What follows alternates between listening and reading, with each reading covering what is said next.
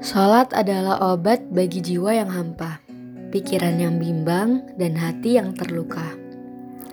Salat bukanlah untuk Allah, tapi untuk dirimu sendiri. Allah tidak membutuhkan kita, tapi kitalah yang membutuhkan Allah.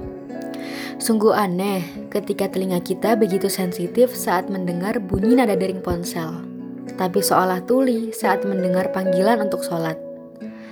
Menegakkan sholat lima kali sehari tidak serta-merta menjadikanmu orang yang soleh. Itu baru menjadikanmu seorang muslim.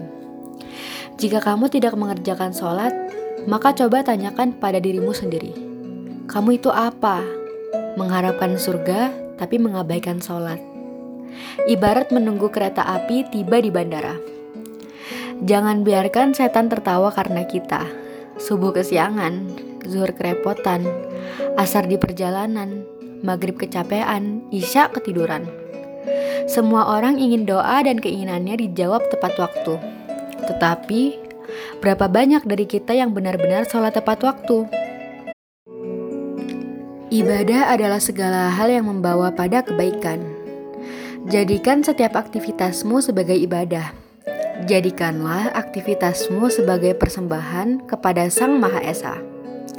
Orang yang bekerja atas dasar ibadah dengan orang yang bekerja karena mengejar harta memiliki perilaku yang berbeda.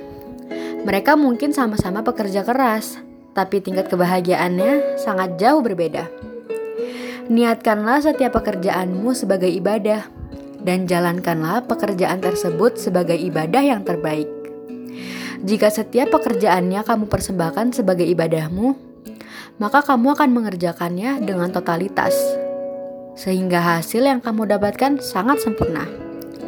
Orang yang rajin beribadah akan selalu mendapatkan hatinya hidup dalam kedamaian, serta mendapatkan hatinya hidup dengan penuh kekuatan. Menyibukkan diri dalam aktivitas ibadah merupakan obat mujarab bagi seseorang yang ingin bangkit dari kesedihan berkepanjangan.